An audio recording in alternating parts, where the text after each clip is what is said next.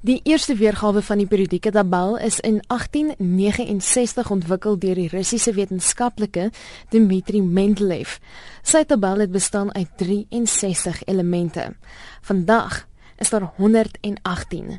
Elemente is die eenvoudigste stowwe en kan nie afgebreek word deur chemiese metodes nie, maar kan net verander word as hulle byvoorbeeld in 'n deeltjie versneller gebombardeer word deur kernmetodes. Wanneer die elemente dus verbind, vorm die verskillende kombinasies spesifieke gasse, vloeistowwe en vaste stowwe.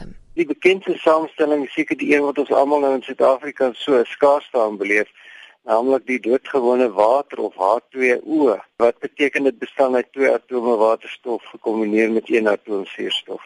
Voordat 'n nuwe element aangekondig en erken kan word, moet navorsing getoets en bewys word. Dikwels word dit in 'n laboratorium ontwikkel soos nou met hierdie vier nuwe elemente en eers later in die natuur bevestig. Die vier wat hulle nou ontdek het is eh, elemente 113, 115, 117 en 118. En hulle is almal swaar metale en hulle tydelike name wat hulle nou vir hulle gegee het is ununtrium, ununpentium, ununsectium en ununoctium. Intussen is 'n aanlyn petisie begin om te versoek dat een van die elemente vernoem word na die heavy metal sanger Lemmy van die groep Motorhead. Lemmy is onlangs aan kanker dood. Die versoek is egter glad nie ongewoon nie omdat verskeie elemente wat reeds op die periodieke tabel verskyn van bekende mense afkomstig is. Die wyse waarop hulle hierdie name gee is byvoorbeeld deur wetenskaplikes te vernoem. Byvoorbeeld jy kry die elemente Rutherfordium wat vernoem is na die fisikus Ernest Rutherford of Röntgenium na die ontdekker van X-strale of Einsteinium wat na Einstein vernoem is en Curium wat vernoem is na uh, Marie Curie.